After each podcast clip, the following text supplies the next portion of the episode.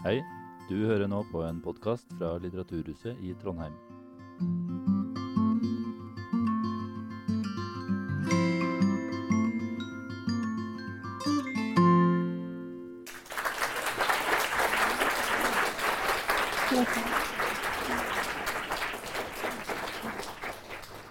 Welcome, everybody.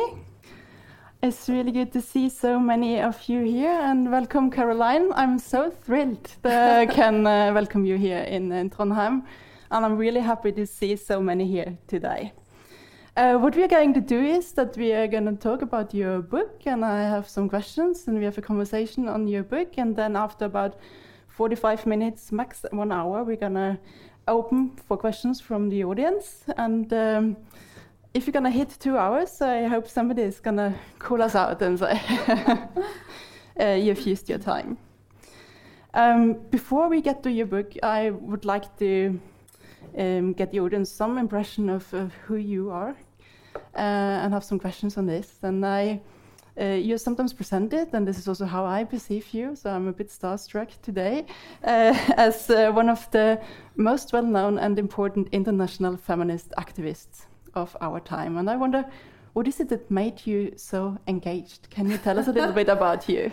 Um, so that's a really long story, so we may well be hitting the two hour mark. um, I, I, I think, um, well, it started in my mid 20s. Um, and, and I think the reason that I got so engaged is this kind of like becoming a born again Christian, right? I sort of discovered it in my mid 20s and I was like, oh my God, what is going on here? Sorry, I'm making a mess with my microphone. The, the audio, nice audio man told me not to sit on the cable and not to make a mess, and I'm already making a mess. Um, so I'm going to tie my hair back, so excuse me one second while I try and do this. Um, yeah, so before that point, I actually had not been a feminist. So it really was not inevitable that I became a feminist activist. Um, I would definitely have described myself as an anti feminist. I found feminism embarrassing and um, I thought that it made women look weak. And I didn't want to be associated with that. I didn't want to be associated with the idea that I needed extra help because I was a lady. Um, I thought, you know, I'm as good as any man.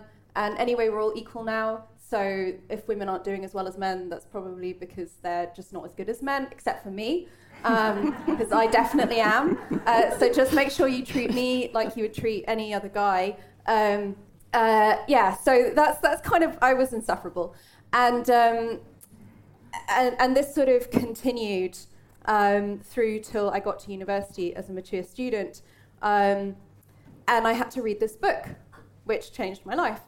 Uh, which was called Feminism and Linguistic Theory. I had to read it for my university degree. I wasn't like picking it up in the bookstore. Um, and in this book, the author, uh, Deborah Cameron, talks about the generic masculine.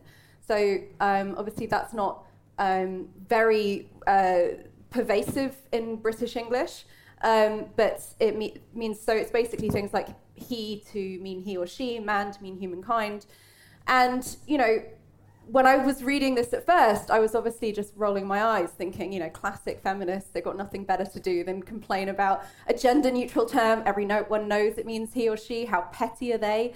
Um, and, uh, and, and, you know, and again, I'd heard this argument before. So mm. I had all my arguments re- re- uh, well rehearsed of like, you know, I'm not one of those annoying women who cares that you use he to mean he or she. Um, I'm much more laid back than that. Um, uh, but then she went on to talk about studies that show that when people hear or read these words, they picture a man. And that was the moment my life changed because I suddenly realized, oh my God, that's what I'm doing. I'm picturing a man. And more than being shocked that I was picturing a man, I was shocked that I'd never noticed it. You know, how mm. could I not have seen what was going on inside my own head? Um, and uh, and I started noticing actually it's not just when I hear these obviously male words, it's uh, much more gender neutral words like doctor, lawyer, politician, writer, journalist. Um, I was just picturing men all the time. And so that was just a really, that was a real wake up moment for me that I didn't really know what was going on in my own head. So that I think, because that was my introduction, you know, I think people reach feminism through lots of different paths. But because my path was this of recognizing wow, I've been thinking I'm talking gender neutrally, and actually I've been talking about men the whole time, and I didn't notice, especially as a woman. Mm. Um, so that I started noticing all these other areas where we think we're speaking gender neutrally, and actually it transpires we're usually talking about men. So after my first degree, I went and I studied feminist economics and behavioral economics, and that was where I discovered this um, huge data gap in the con- in the t- uh, in the economy, in the economic data that we we collect, where um, we really design our economy around um, this mythical being called Homo economicus, who is you know literally a man, um, and we don't account for all the unpaid labor that women do, taking care of children, taking care of older people, taking care of sick people, unpaid, um, and the huge contribution that has to the economy. And of course, that's an ideological decision. That's not because that doesn't um, have any impact on the economy, but because we don't count it, it means that when we're allocating resources, we're allocating resources without accounting for that work, and that really um, lets women down. But when we talk about the economy, we're not talking about the men's economy we're talking about the gender neutral economy. Mm. It just isn't actually gender neutral. Um, and the next thing that I came across was um, I did um, a little bit of, uh, of volunteering with this um, female asylum seekers charity, um, which is where I came across the UN Convention on Refugees, which is another gender neutral bit of international law um, and a very well meaning one. and yet, it could be called the UN Convention on Male Refugees mm. because of the way that it is designed around the typical male experience of political persecution. So um, things like you have to leave the country that you're fleeing from before you can claim asylum is much harder for a woman to do. Um, they're less likely to be able to travel legally, uh, to be able to get a visa. Um, often they'll be coming from countries where they can't travel without a male guardian. Um, and then things like even when you get to the country that you're going to claim asylum in, um, you can't just say, I'm being persecuted. You have to show how the persecution that you experience fits into a number of very specific scenarios, like political persecution, religious persecution, all of which are reasons that women can mm. be persecuted. But the number one reason that female asylum seekers give for why they're being persecuted is because they're women. And that is not a reason that you can use. You can't say it's because of my sex or because of my gender. Um, so th- this was sort of gradually building up, you know, collecting all these examples in my head and starting to feel like I was going to explode, that everyone was talking gender neutrally, and I knew that they weren't. Um, and then when I was writing my first book, I came across this research about medicine. And discovering that even in medicine, science, the study of actual human bodies, we are treating the male body as if it's a gender neutral body, and we're collecting data on the male body and using that data to say, this is what heart disease looks like, this is what cancer looks like, these are the thresholds we're going to test. Here are the treatments, we've tested them on men, here you go, women, have a, have a drug that we haven't tested on your body in any way. Um, and unsurprisingly, it means that we diagnose women less and we treat them um, less effectively. And um, that was just so incredibly shocking mm. to hmm. me. You know, it's one thing to say, well, women are underrepresented in parliament or women are underrepresented in the media. You know, obviously it shouldn't be like that, but you can sort of uh, you, you, can rationalize it by saying, well, historically, you know, women didn't have rights and they only got rights in the past hundred years and blah, blah, blah you can't make that argument for why we don't study female bodies in the context of medicine. And I say female because, of course, it's not just human bodies, it's also animals and even cells that we are studying the male. Hmm. Um, and how could you not be engaged when you've got all that going on and you see everyone walking around as if everything's totally fine and normal and speaking gender neutrally and you just want to grab people and shake them and say it's not gender neutral? Yeah. Um, mm. So that's that's that's basically me. I see. Yeah. Uh, I made some notes here for my the syllabus for my students. um, you, you didn't only get engaged, but you also had many successes. Because one thing is that we picture maybe a, a male when we a man when you're thinking about scientists, mm -hmm. but one thing is also that you showed that you we're actually picturing men when there are many women. And an example is that you're known for is that uh, you made the Bank of Bank of England print more uh, women on their banknotes Yeah. because before it was only the queen among Yeah. many men. Yeah. And another of your successes is that you made Twitter install a report abuse button. Mm-hmm. And I don't know whether there are some people here in the room who try to get in contact with companies like Facebook uh, or TikTok, and the only thing you meet is this general customer information form. Mm-hmm. But you actually made Twitter do something different. Can, how did you make this? Well, it actually started with the banknotes campaign. So, the banknotes campaign was the Bank of England announced that they were going to remove the only female historical figure from the back of uh, English and Welsh banknotes and replace her with a man. And so it was going to be all men. And uh, in my naivety, I was sort of fairly newly fledged born again feminist. And I, I sort of thought, I guess because I had this experience of, oh, it, it just hadn't been pointed out to me. Um, and now that it's been pointed out to me, I now get all of this. I thought maybe the Bank of England just hadn't noticed that that all the banknotes were going to be men, and uh, I would just point it out to them, and they'd go, "Thank you so much for for alerting us to this terrible oversight. Obviously, we'll get that changed right away." Um, that didn't happen, um, but they did end up changing it because you know around this whole campaign, and we um, that was sort of quite high profile in the UK in the in the media. But the day that um, they announced that they were going to put a female historical figure, they chose Jane Austen to go on the back of the £10 notes. Um, I got my first rape threat. And it just built from there. I got more and more rape threats, death threats, mutilation threats, people digging up my address, um, trying to hunt me down. It was absolutely terrifying. Um, and this also became huge news in the UK.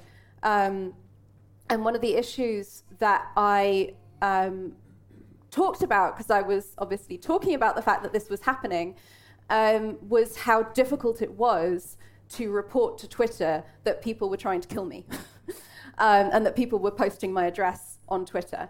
Um, and that was because at the time, um, you there wasn't a report abuse button. You had to go to this totally separate website and fill out this whole form where you had to copy and paste in the link of the tweet, then you had to copy and paste in the text of the tweet. So I was having to write out, I am going to rape you.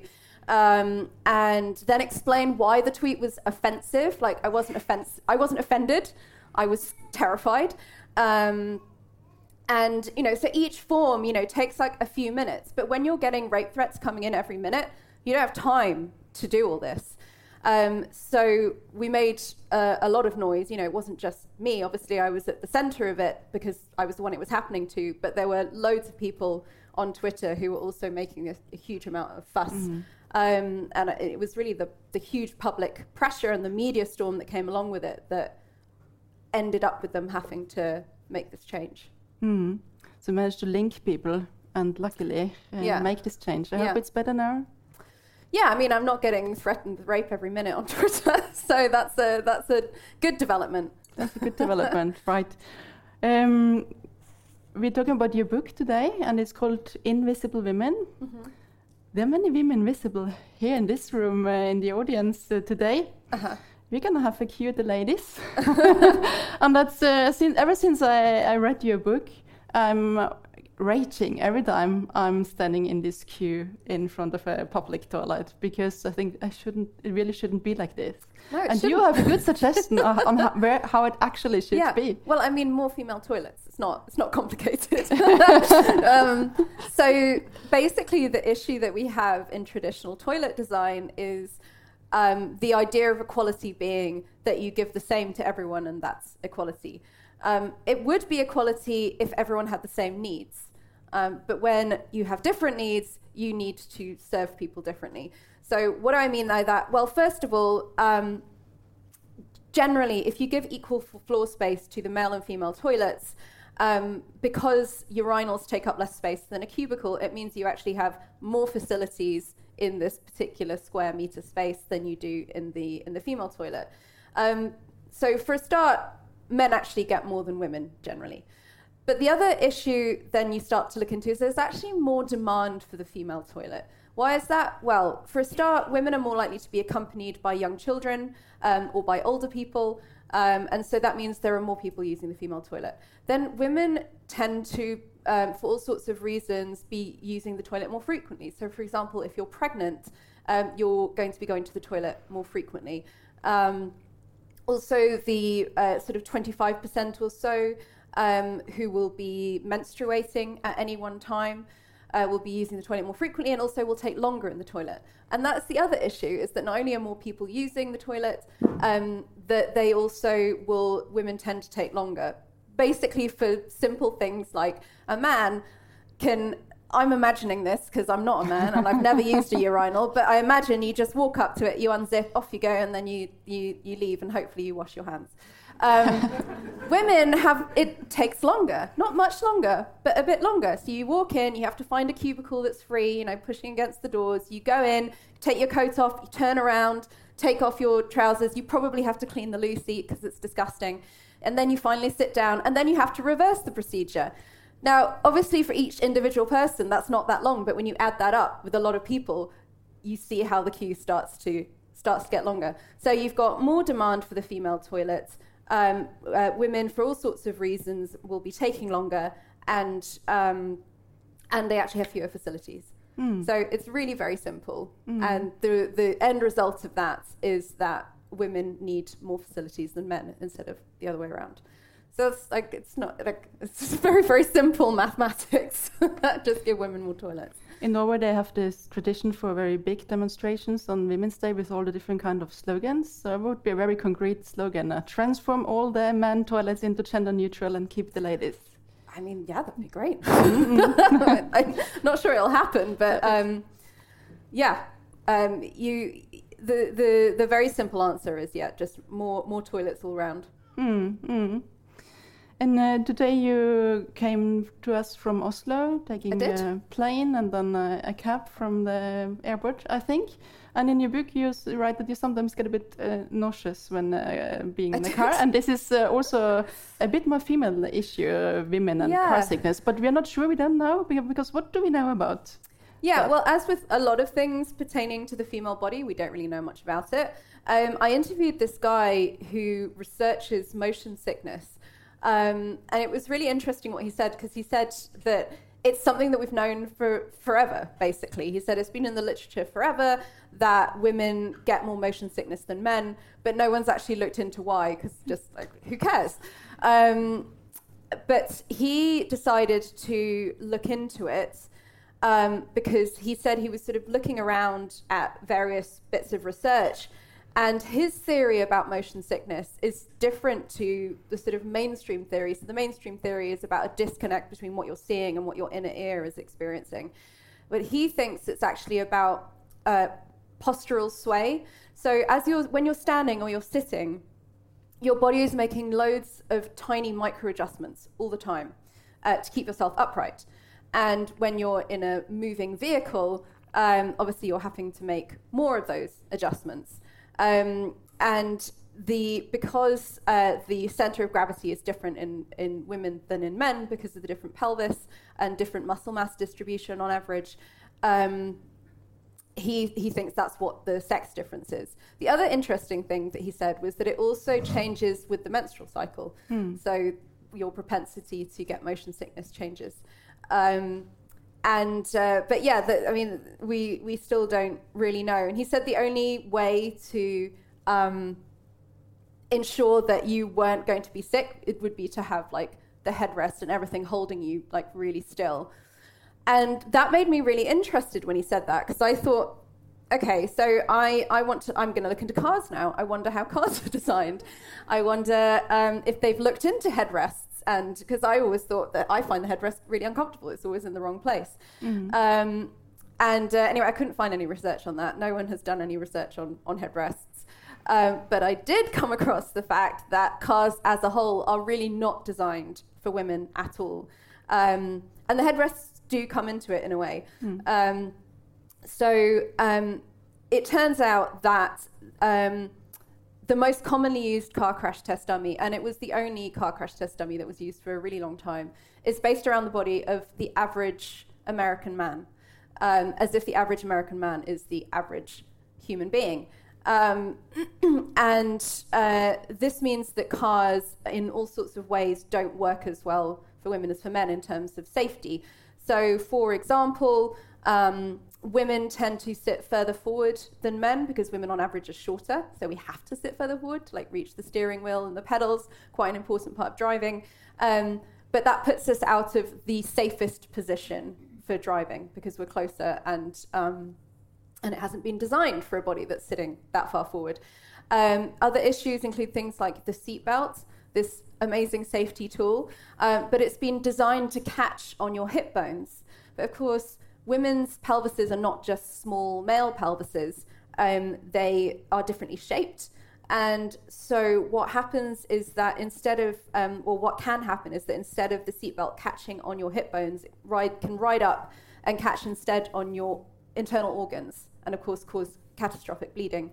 Um, and uh, another one that I thought that was really interesting um, to come into the headrests, I keep catching my thing on the chair, um, is uh, when, you, when you talk about car safety design, um, people often sort of say, well, how can we possibly design for all sorts of different types of people? I mean, my answer to that is obviously adaptabi- adaptability. But, but there is a big problem with not at least trying to design for lots of different types of people. And the headrests is a really interesting example because there are two types of um, whiplash prevention um, systems that are in most modern cars. Um, there's one called the active head restraint system, and that is basically that the uh, seat kind of pushes you forward, including with the headrest.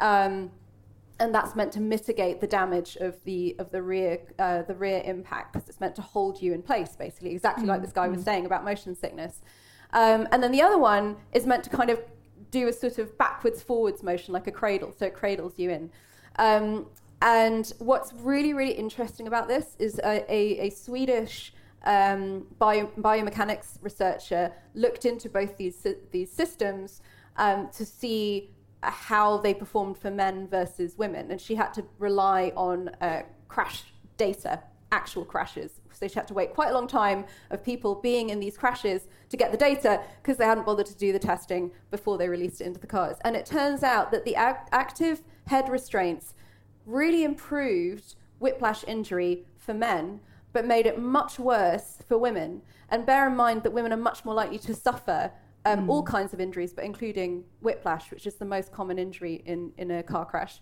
Um, whereas the other system improved it for both men and women. So that just shows that there are design changes that you can make that will make things, you know, worse for women, or you can implement design changes that will make things better for everyone. Mm. Um, but anyway, at the moment, um, because most car safety is designed around this one uh, mid-sized male dummy, um, the result is that women are much less safe in the event of a car crash. So women are 17% more likely to die and 47% more likely to be seriously injured than a man in the same car crash. Now, there is what is called a female car crash test dummy that is used in some of the tests. Mm-hmm. Um, when I wrote the book, um, this dummy was used in one out of the five regulatory tests in the EU. Uh, and so, not, you know, because women only make up one fifth of the EU population, um, and only in the passenger seat. So, um, because women don't drive in the EU. I mean, I'm sure it's different in Norway, but in the EU, women don't drive. Um, and, uh, and that's the same in the US, by the way. Women don't drive in the US either, which is why they're not tested in the, in the driver's seat.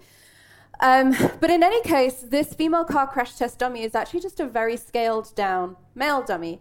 And uh, as we've kind of been exploring, women are not just tiny men. Um, and so this tiny dummy um, doesn't really account for, for example, you know, the pelvic differences that I was talking about. That means the seatbelt is actually mm. can be dangerous in the event of a crash for women. I'm not telling you don't wear your your seatbelt, by the way. I'm just saying we need to develop a better seatbelt. Um, and also, like you know, if anyone's pregnant, there is no seatbelt that's been designed um, for pregnancy. Uh, and the number one cause of um, fetal death from impact is car crashes. Um, so, and of course, that's been going on for decades. Sorry, you asked me about motion sickness. And now we've gone on this whole, this whole rant. Um, but yeah, cars, yeah. cars is uh, cars was. You know, I started off just wanting to find out about headrests, and then I came across this whole thing of like, actually, the whole car is a total car crash. Hmm. Um, yeah. Mm. We're laughing a bit because it's so ridiculous that It this is is happening, but it's also outrageous Yeah. because of this really severe consequences. Yeah. And and you mentioned the the crash test dummies uh, because uh, one of your most important points in the book is to show that we're not actually collecting the data to know what really would fit to a female uh, body. Uh, and you call it the gender data gap. And you show that this gender data gap is really persisting in all sectors and aspects of the society, economy, from the daily life over traffic, over the public life, uh, medicine, everywhere. I'm sure even if you knew much of this, um, you also met many surprises. Do you have uh, examples of what was most surprising for you? when I mean, you the car crashes research? was pretty surprising. Mm. Um, you know, and I, I think it's one of the best examples in a way because it's it's sort of the clearest example of my thesis, which is that we don't collect data because we think men are gender neutral, and this use of a male dummy to represent the average human, you couldn't get a better example than that of how did we spend so many years saying yes, we test this in humans, and actually it was based on an average male body. Um, Another example, not necessarily that surprising, but which I find quite illustrative, is um, the, the, the use of unisex stab vests. So stab vests that will be given to emergency workers. Um, and, and the unisex stab vest is designed for the unisex body. And as we know, the unisex body is the body that doesn't have breasts. The one that has breasts isn't unisex. But if you were to give men a unisex stab vest that was designed for a body with breasts, they would be like, "What? What is this? this is this a joke?" Um, but somehow we don't think it's weird that we do we do that to the other half of the global population. Um, I suppose one of the things that I found most surprising really was when, you know, because I um, I do think that a lot of this is just people not thinking, um, people not because we're so used to thinking of men as gender neutral, we often really don't notice when we're doing it. The thing that I find surprising is when people are aware that this is what they're doing and still try to justify it. Um, so, you know, when I speak to researchers about, you know, why have you only decided to do this uh, study in men, um, they will say, well, um, the menstrual cycle will interfere with the results. Right. Um, and the menstrual cycle, of course, is just like a really uncommon thing. Like basically, no one has one. So um, why why should we include it in our tests? I mean, the, the, the concerning thing, of course, is that they are right. It will interfere with the results. Um, That that uh, interaction can be very severe. Um, so women, for example, are more likely to experience drug-induced heart rhythm abnormalities, uh, which of course can be fatal. Um, and that risk is highest during the first half of the menstrual cycle. So that's the kind of thing you might like to know before you give someone this drug that might cause a heart attack in them. Um, uh, but but the the other thing that's sort of really frustrating about this is that um, it doesn't even explain a lot of it because, for example, um, it's not, as I said, it's not just um, female humans, it's also female animals who, admittedly, often have a menstrual cycle, but it's also female cells. And cells don't have a menstrual cycle. Um, so there's really no reason to be testing solely in male cells. And this actually really does matter because research starts in cells.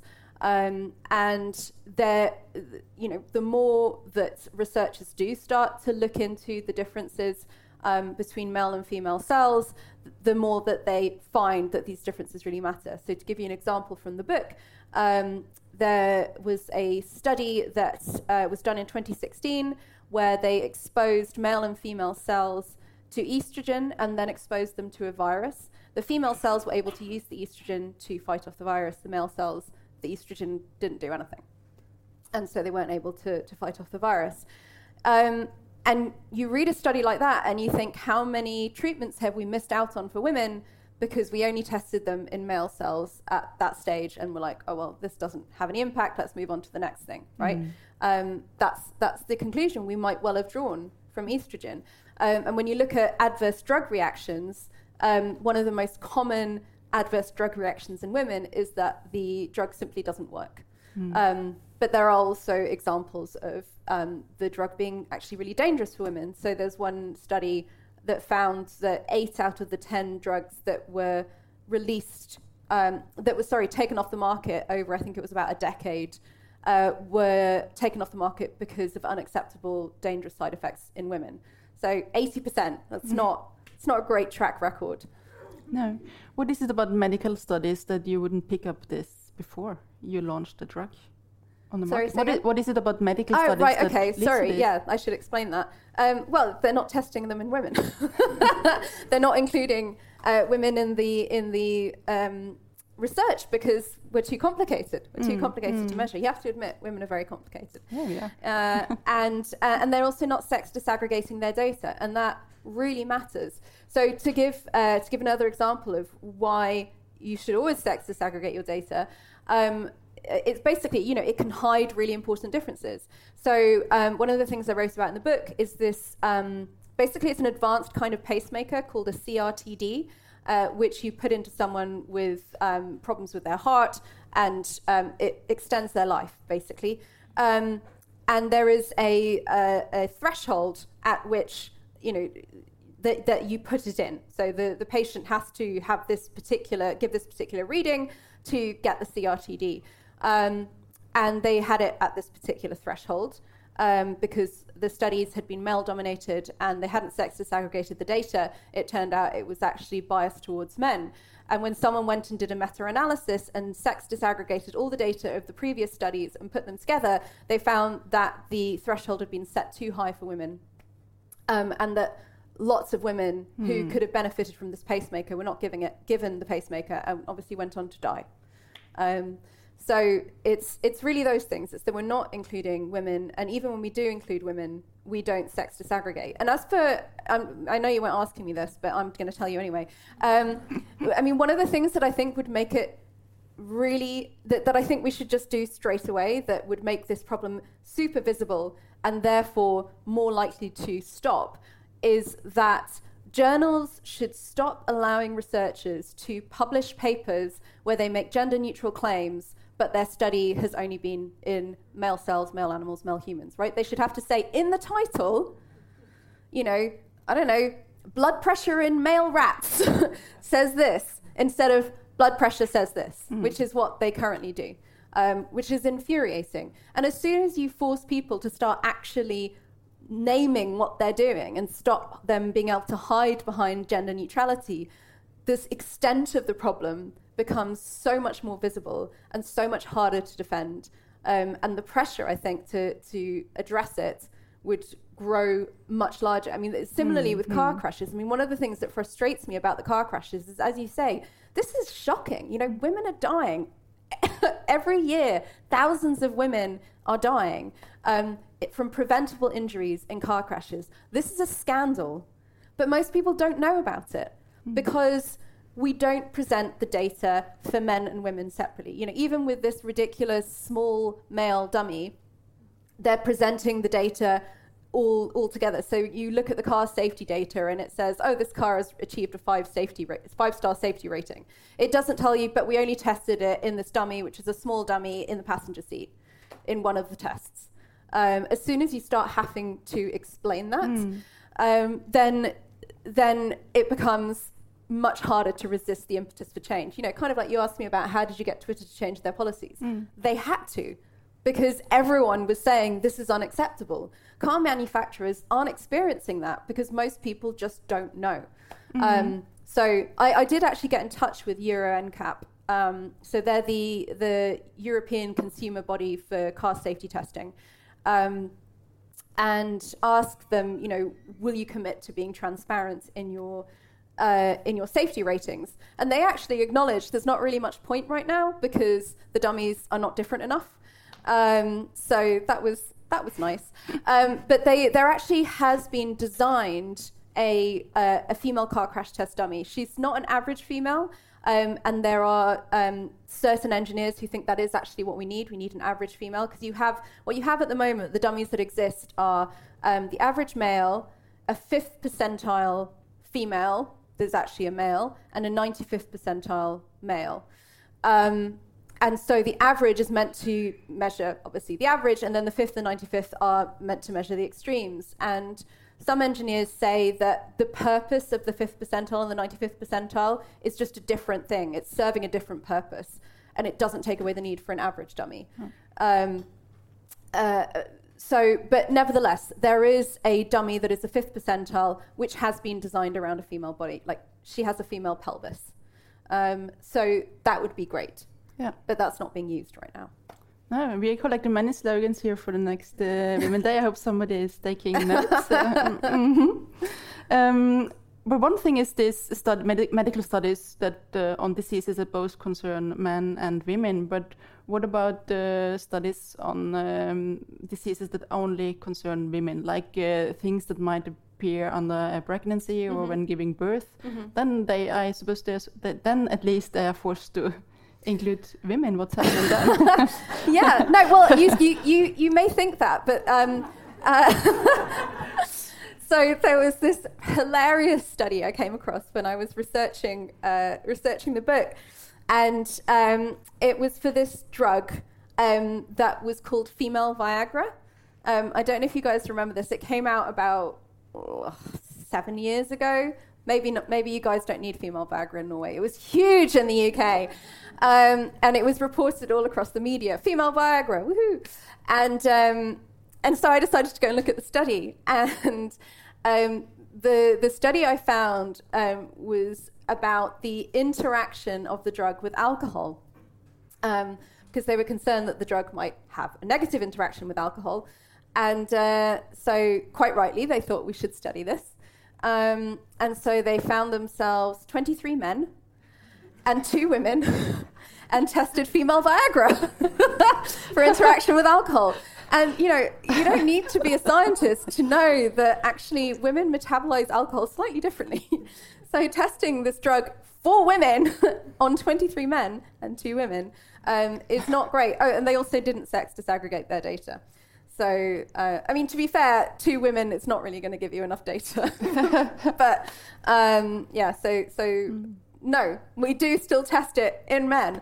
Um, but yeah, I mean, one of the, the, the, the, other issues is that these kinds of diseases that are more likely to affect women or conditions that are more likely to uh, occur in women, um, there's less research hmm. in them. Hmm. So one of the um, uh, this this actually isn't well I do talk about endometriosis in the book, um, but I looked into it more for um, a recent podcast episode I just did. And um, one of the thing that, things that I found quite sad about endometriosis research is it's well, it's very underfunded, um, uh, and um, that's the case for all sorts of, of, of conditions that affect women. Um, but recently, endometriosis researchers have come up with um, this basically this trump card that they think is going to get them a lot more funding.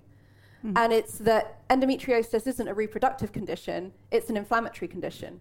And suddenly it's not about the women's reproductive system, it's about the inflammatory system, which can affect anyone, and therefore that makes it important, which I just find really depressing. Like it's good for endometriosis. And, and also, obviously, it's important to know, you know, that we now understand the disease a bit better. That it is actually the whole body is involved. It's not just related to the womb, even though, of course, it is about womb tissue growing outside of the womb. Um, but but it's it involves mm, the mm. the inflammatory system. Um, yeah, which is kind of depressing. It's really depressing, and here we are really into power relations. You also just have some examples on how much of fun funding in the female disease doesn't get uh, funded. Even, for example, if you're giving birth, and you could could accrue that you the contra uh, um, contractions. Contractions. Thank you. Uh, stop up, and then uh, you had uh, this interview with a professor yeah. studying this, and yeah. Uh, showing it would be quite easy yeah. to develop some medication to improve that, but she didn't get funding. Yeah, that was staggering. Really, um, I, I actually need to follow up with her to find out where she's she's got to. So, basically. Um, uh, the, we we don't really know a lot about uh, when women are not going to be able to give birth vaginally. It's hard to predict it. Um, it wouldn't be hard if we researched it, but we haven't researched it, so that's why it's hard to predict it. Uh, we can't tell beforehand which women are going to need an emergency cesarean. And this woman started looking into this. Um, and so basically, not only can we not predict it, we only have one drug that we can give, and it works on half of women. So half of women that take this drug go on to give birth vaginally when they've ha- been having trouble having their contractions. Um, and she wanted to look into why. Imagine novel idea, wanting to understand why a drug only works for half of half of the people you give it to. Um, and she found that uh, the people who um, it didn't work on um, had higher um, acid in their blood.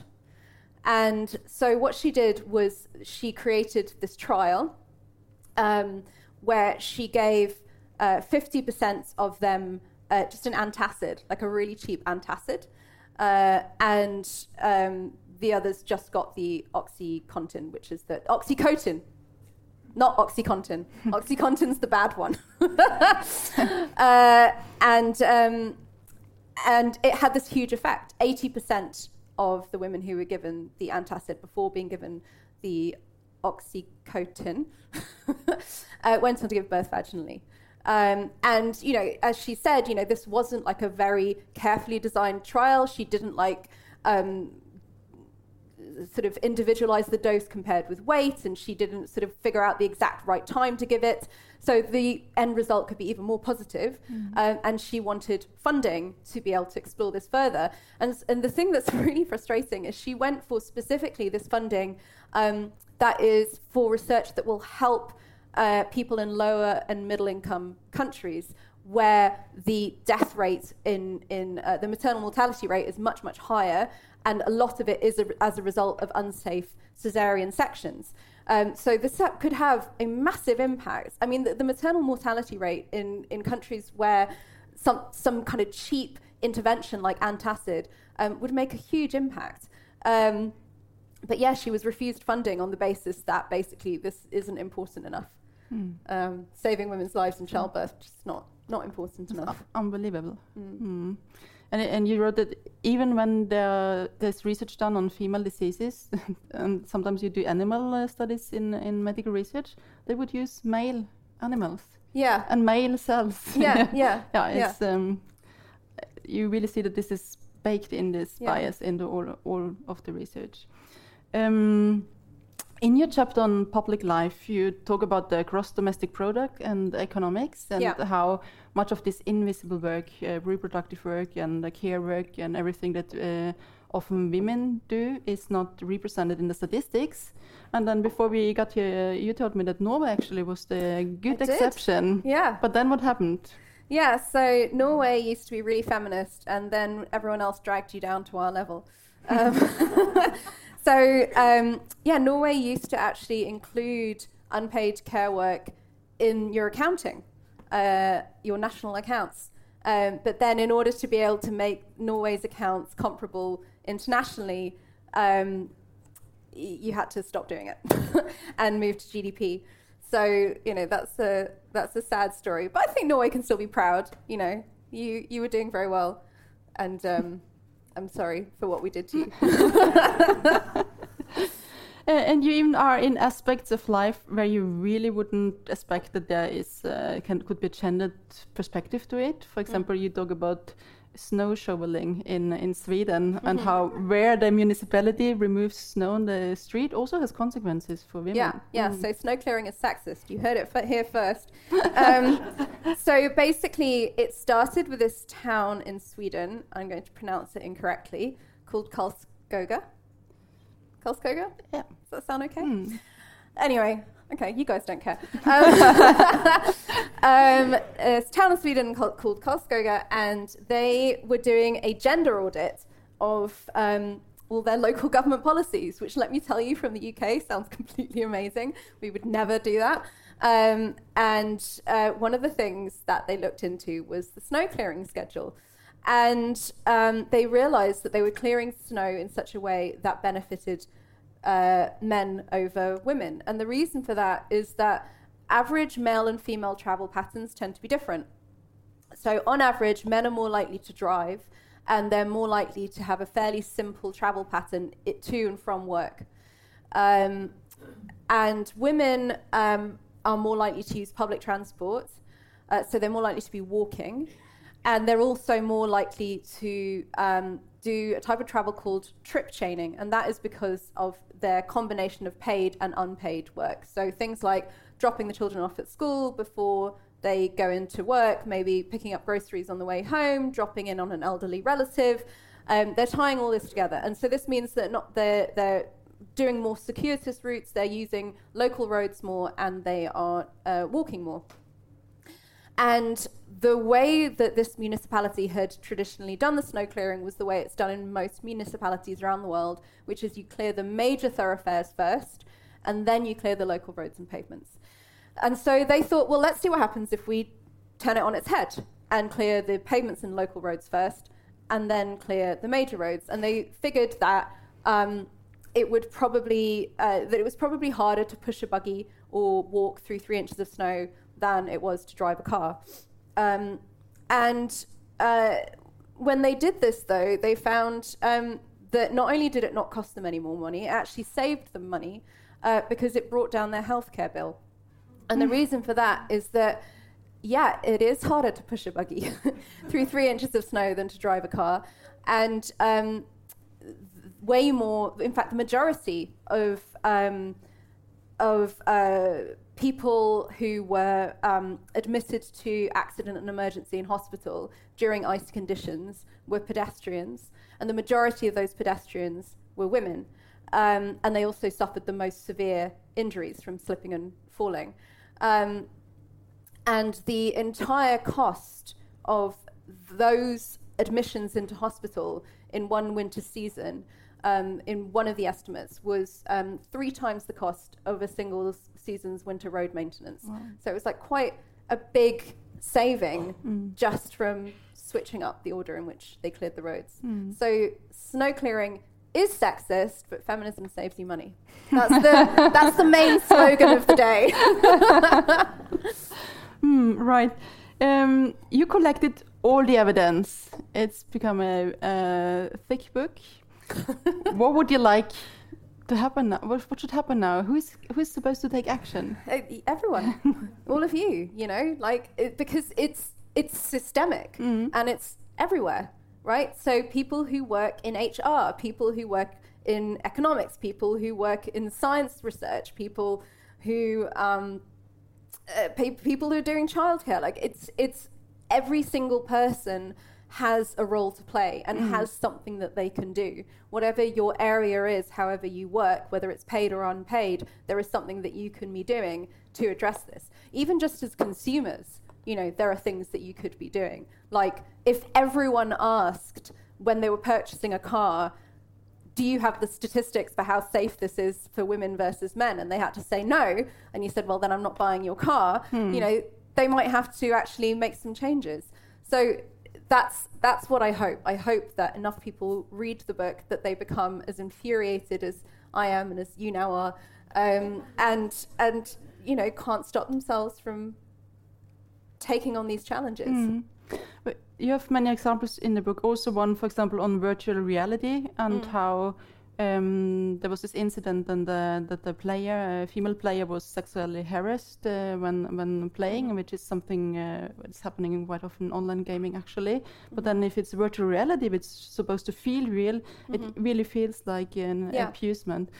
And when uh, those game providers were confronted with it, they really were, oh, uh, our apologies, and uh, uh, and changed this uh, by introducing this bubble around your body. Uh, but they also said they, that they didn't even have considered that Yeah. something like this could happen. And then I wonder um, if these male technology designers don't even know what they don't know. Um, how would they change something about it? Well, get more female designers. you know, I mean, I, I, I don't think that, like as you said, these um, these male designers, they were clearly, they were horrified that this had happened in their game, and they were horrified that they hadn't thought of it.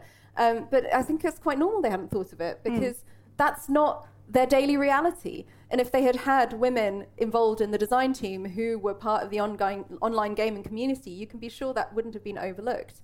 So it's not that um, you know we somehow need to train men to know exactly what it's like to experience the world as a, woman. It's that you need to also, you know, you need to have a diverse team when you're coming up with products and solutions and government policies that affect everyone. Um, you know, you'd have the same problem if you had an all-female team trying to decide design something that would work for men. You know, it'd be too small. um, but but that's that's that's never been that's never been the issue. So it's it's you know it's you, of course men won't always know what it, what it is that they're missing. Um, and that's I mean that's ba- that's the basic argument for diversity in all kinds of leadership roles. Mm. So when we talk about changes, what we all, all of us can do, can do, that we have more diverse teams, and then you also talk about um, that we should collect the data that is missing. So even, for example, uh, when uh, uh, there's there are very little studies on pregnant women, me, uh, medical studies, uh, because you can't include them in uh, in research uh, for various reasons, and this is understandable. But then at least you write you could document how diseases develop when a pregnant woman is uh, getting sick, or you also talk about cast- catastrophes, crises that occur, and then we don't even. Somebody should at least document uh, Yeah. and and do the statistics. Yeah. Mm, mm. Yeah, so I mean, a really infuriating example of this most recently, of course, was the COVID vaccines, where they hadn't done any research on uh, their interaction in pregnancy. And, um, and so lots, I mean, pregnant women in the UK, for example, were the most vaccine skeptical, which is not surprising because, um, for a start, you know, when you're pregnant, you're told, like, you know, don't even look at blue cheese, it'll kill you and your baby, right? So suddenly being told, here's this vaccine, and we haven't tested it on pregnant women, and you should really discuss it with your doctor. In fact, at first, they weren't allowed to have it. You weren't allowed to have it when you were pregnant. And then they moved to, okay, well, you can have it so long as you discuss it carefully with your doctor. You know, by the time they finally got to, okay, actually, no, we should prioritize this group for vaccines because actually COVID is incredibly dangerous if you're pregnant. Um, it's like 14 times more, more dangerous, 14 times more deadly, uh, one study found. Um, you know, it was kind of too late by then because the, the message had gone out this hasn't been tested, we don't know the safety. Um, and you're talking to this group of people that is told all the time you need to be incredibly careful about everything you put into your body, otherwise, you'll harm your baby. Um, and that could have been avoided and should have been avoided, you know, because right from the very beginning of the development of, va- of the vaccines, there were people saying, you have to make sure that this is tested uh, in pregnancy. Um, they didn't do, for example, the animal toxicity studies until the vaccine was already improved in humans. You know, they should have been doing that right from the very beginning, and they didn't do that. Um, and so they weren't even able to say that, that we've shown it's not it's not toxic. Um, so yeah, that was frustrating, and women died. You know, pregnant, young pregnant women died um, as a result of that. Mm. It's shocking. Mm. you know, and we and we knew from other coronavirus outbreaks that this was likely to affect pregnant women more. You know, that happened in SARS. Um, it was much more dangerous during pregnancy. Um, so there was really no excuse for, for not having done the done the research. Yeah. Mm. I thought I also could get into sports sciences in the training, but I see that we are approaching one hour Okay. already. that was really quick. So I would like to give the audience a chance to ask you questions Okay. uh, once they first have you here. And somebody help us with the microphone.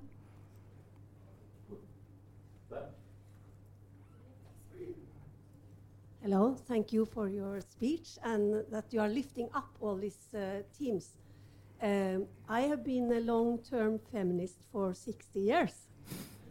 Um, and and, um, and mm, all these teams has been discussing and we have been fighting to do something with it for many years. For example, this with uh, women uh, health. Uh, it, it, it is a professor here in Trondheim called Berit Schei, who is the first uh, mm, uh, professor working with uh, women health. Now she's retired, and her uh, position is taken away. It's not there anymore. So we, we have to fight all the time to, to do something with this, uh, uh, yeah, with this oppression. My question is, how is it possible that we have been uh, fighting for 100 years, 200 years, or yeah, for me, s- uh, 50 years, and nothing has changed so very much.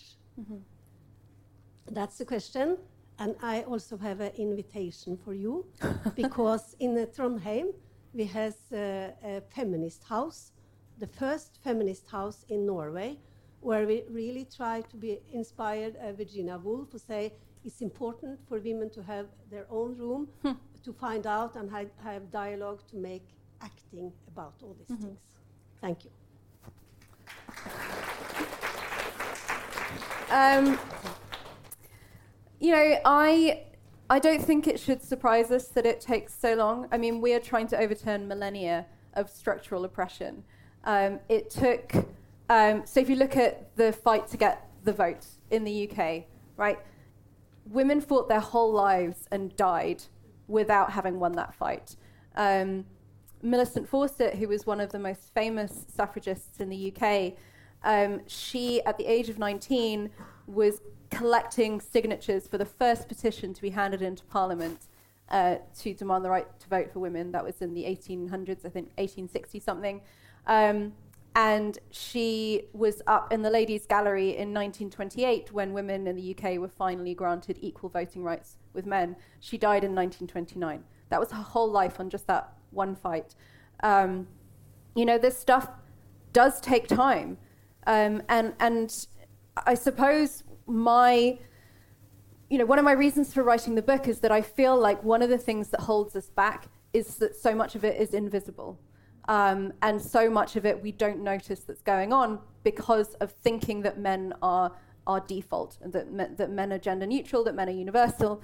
Um, and I, I do think that that's part of the problem. You know, the number of times, like one of the things that kind of made me write the book was I'd had one too many arguments with annoying men, um, where like I would look at some kind of policy document and say it doesn't mention women at all, and they would reply, well, it doesn't mention men either, and I knew that you don't have to mention men because men go without saying. We don't mark the male. The men are, the, are gender neutral. Um, so that's part of the problem is we don't mark the male. When you and you know to give a more trivial example, when you talk about sport, certainly in the UK, we talk about like football, women's football, rugby, women's rugby, right? The men are the gender neutral one. They're not gender neutral, they're men. um, but allowing them to occupy that spot means that so much of this is invisible. And when something's invisible, it's really hard to fight it. Because as well as fighting it, first of all, you have to make the case that it even exists. Um, and I think that's what women have to spend a lot of our time doing, making the case that this even is happening, um, which is exhausting and infuriating and is why some of it takes so long. Um, but, you know, also, you know, it's it's uh, the other reason, of course, is sexism. That's why we have to fight so hard and why it takes so long. You know, because women do experience structural oppression. Um, and, and it's not just that we have to fight so hard to make the change, it's that we have to fight so hard to maintain the change. And changes can be taken away, like you said about this professor, or if you look in America, what's just happened with abortion rights, they've just suddenly had them taken away, and women are dying now. Um, and that's scary. Um, but why does it take so yeah that's why that's why i think it takes so long. I think it's partly having to make the case that this problem even exists because it's invisible. And i think also it's that there is still sexism. And until we get rid of sexism until we get rid of misogyny we're going to have to carry on fighting. And i don't expect this fight to be over in my lifetime either sorry it's not a very jolly answer it wasn't a very jolly question so.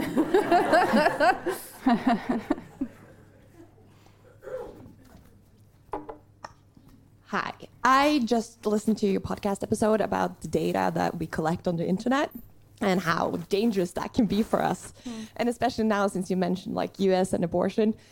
In that episode you talked a lot about the US, but I was thinking more like how do you think the data that we collect on internet can be used against us like in Norway and UK and the Europe? Like how how is how is it different? Po- hopefully possibly, but maybe negatively as well.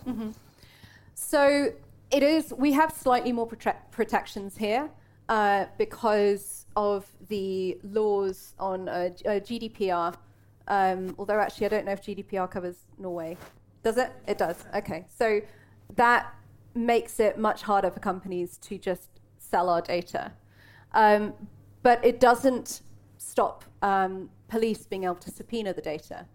Um, and so that's really where the concern is. And so in the UK, uh, when, we, when we're talking about abortion, right, um, most, most people in the UK are not aware that abortion is actually criminalized in the UK.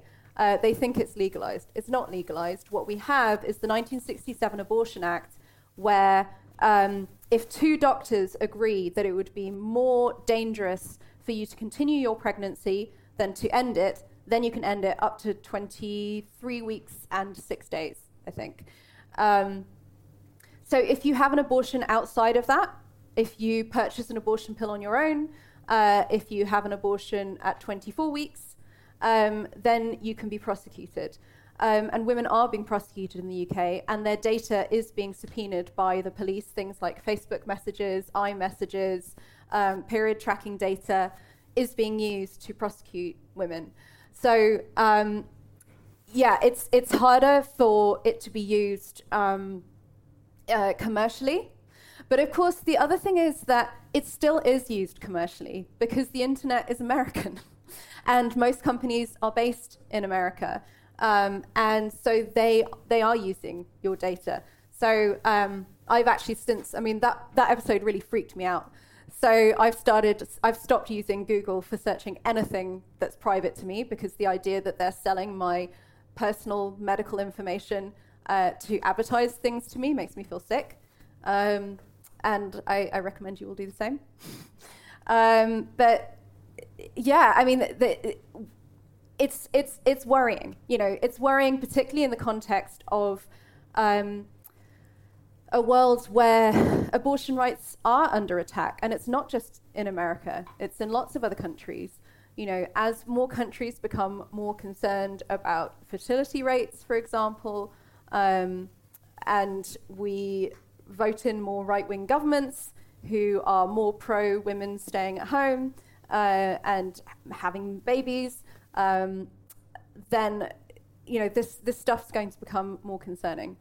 So it yeah, it's incredibly frustrating.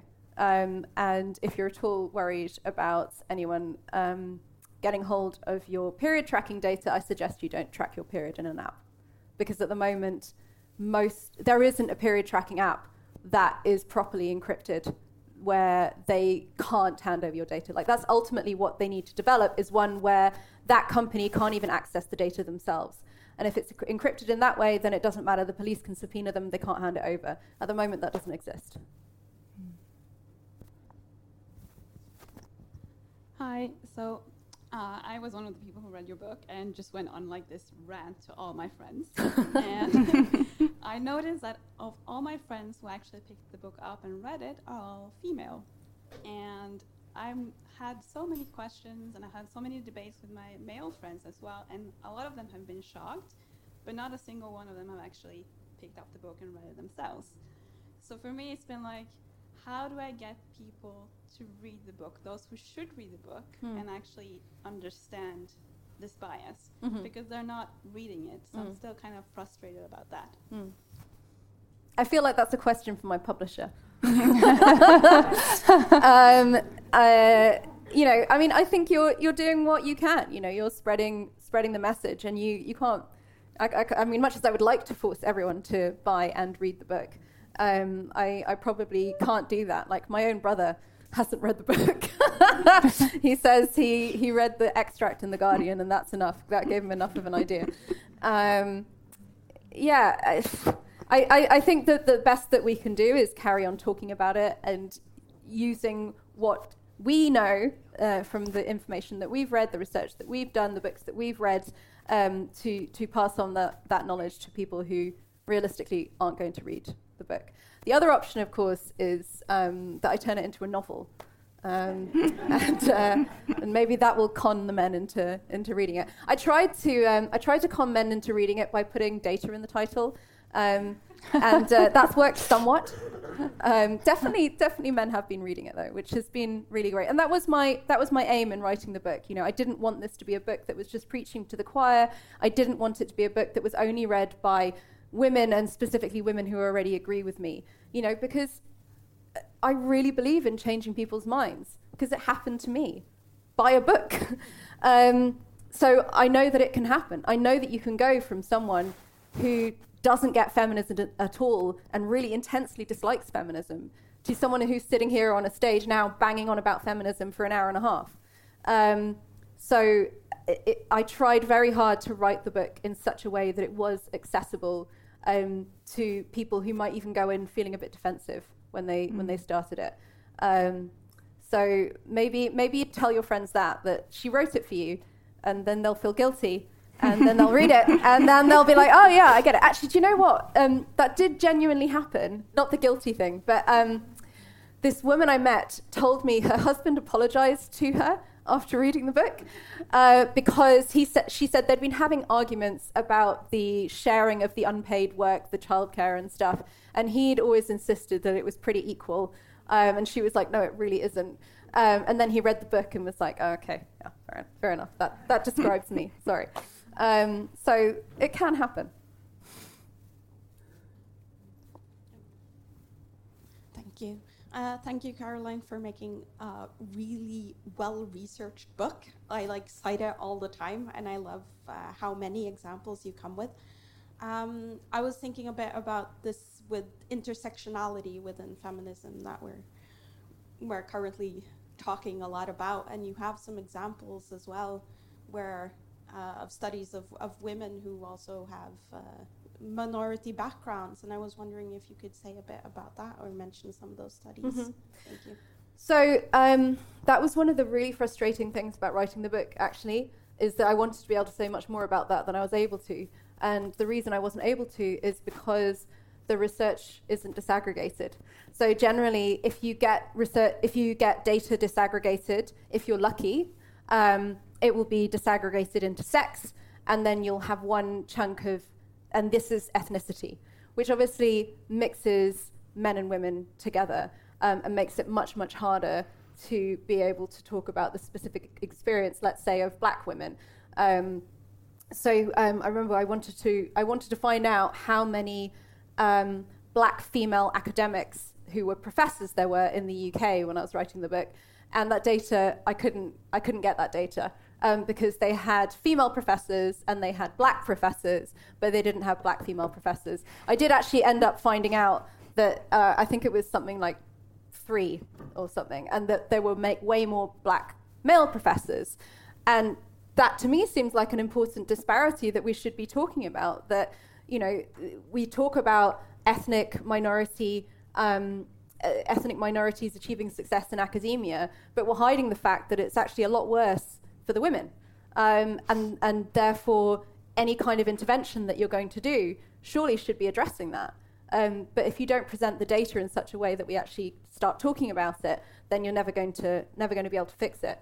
Um, so yeah, that was a big frustration when I was writing the book. One of the things that I, I did get to write about though briefly was um, maternal mortality rates.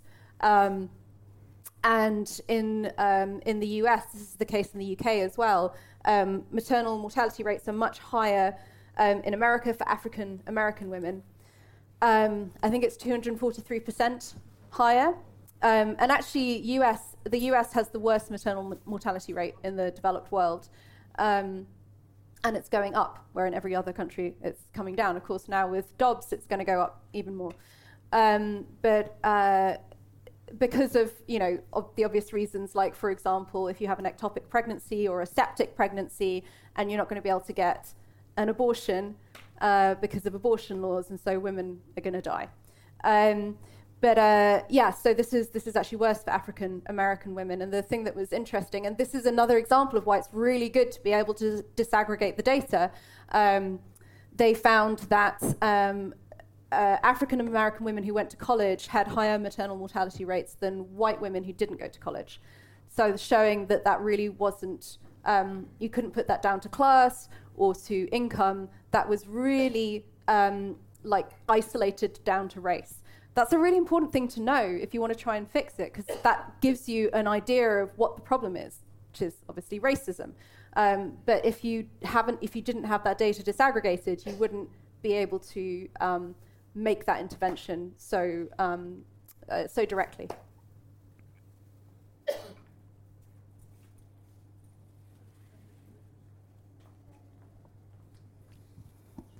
Uh, hi. Um, you were talking earlier about COVID and the COVID studies. And I remember hearing a lot of women and girls talking about their menstrual cycle changing and bleeding changing.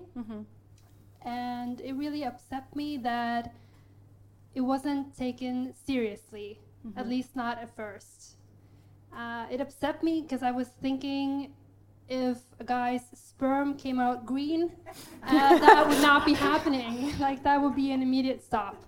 Uh, and so, but then women, you know, started speaking up, and the media wrote about it. But still, uh, the answer sort of was, well, the menstruational cycle is a complicated thing, and you know, you guys just it changes all the time, and and you know, yeah.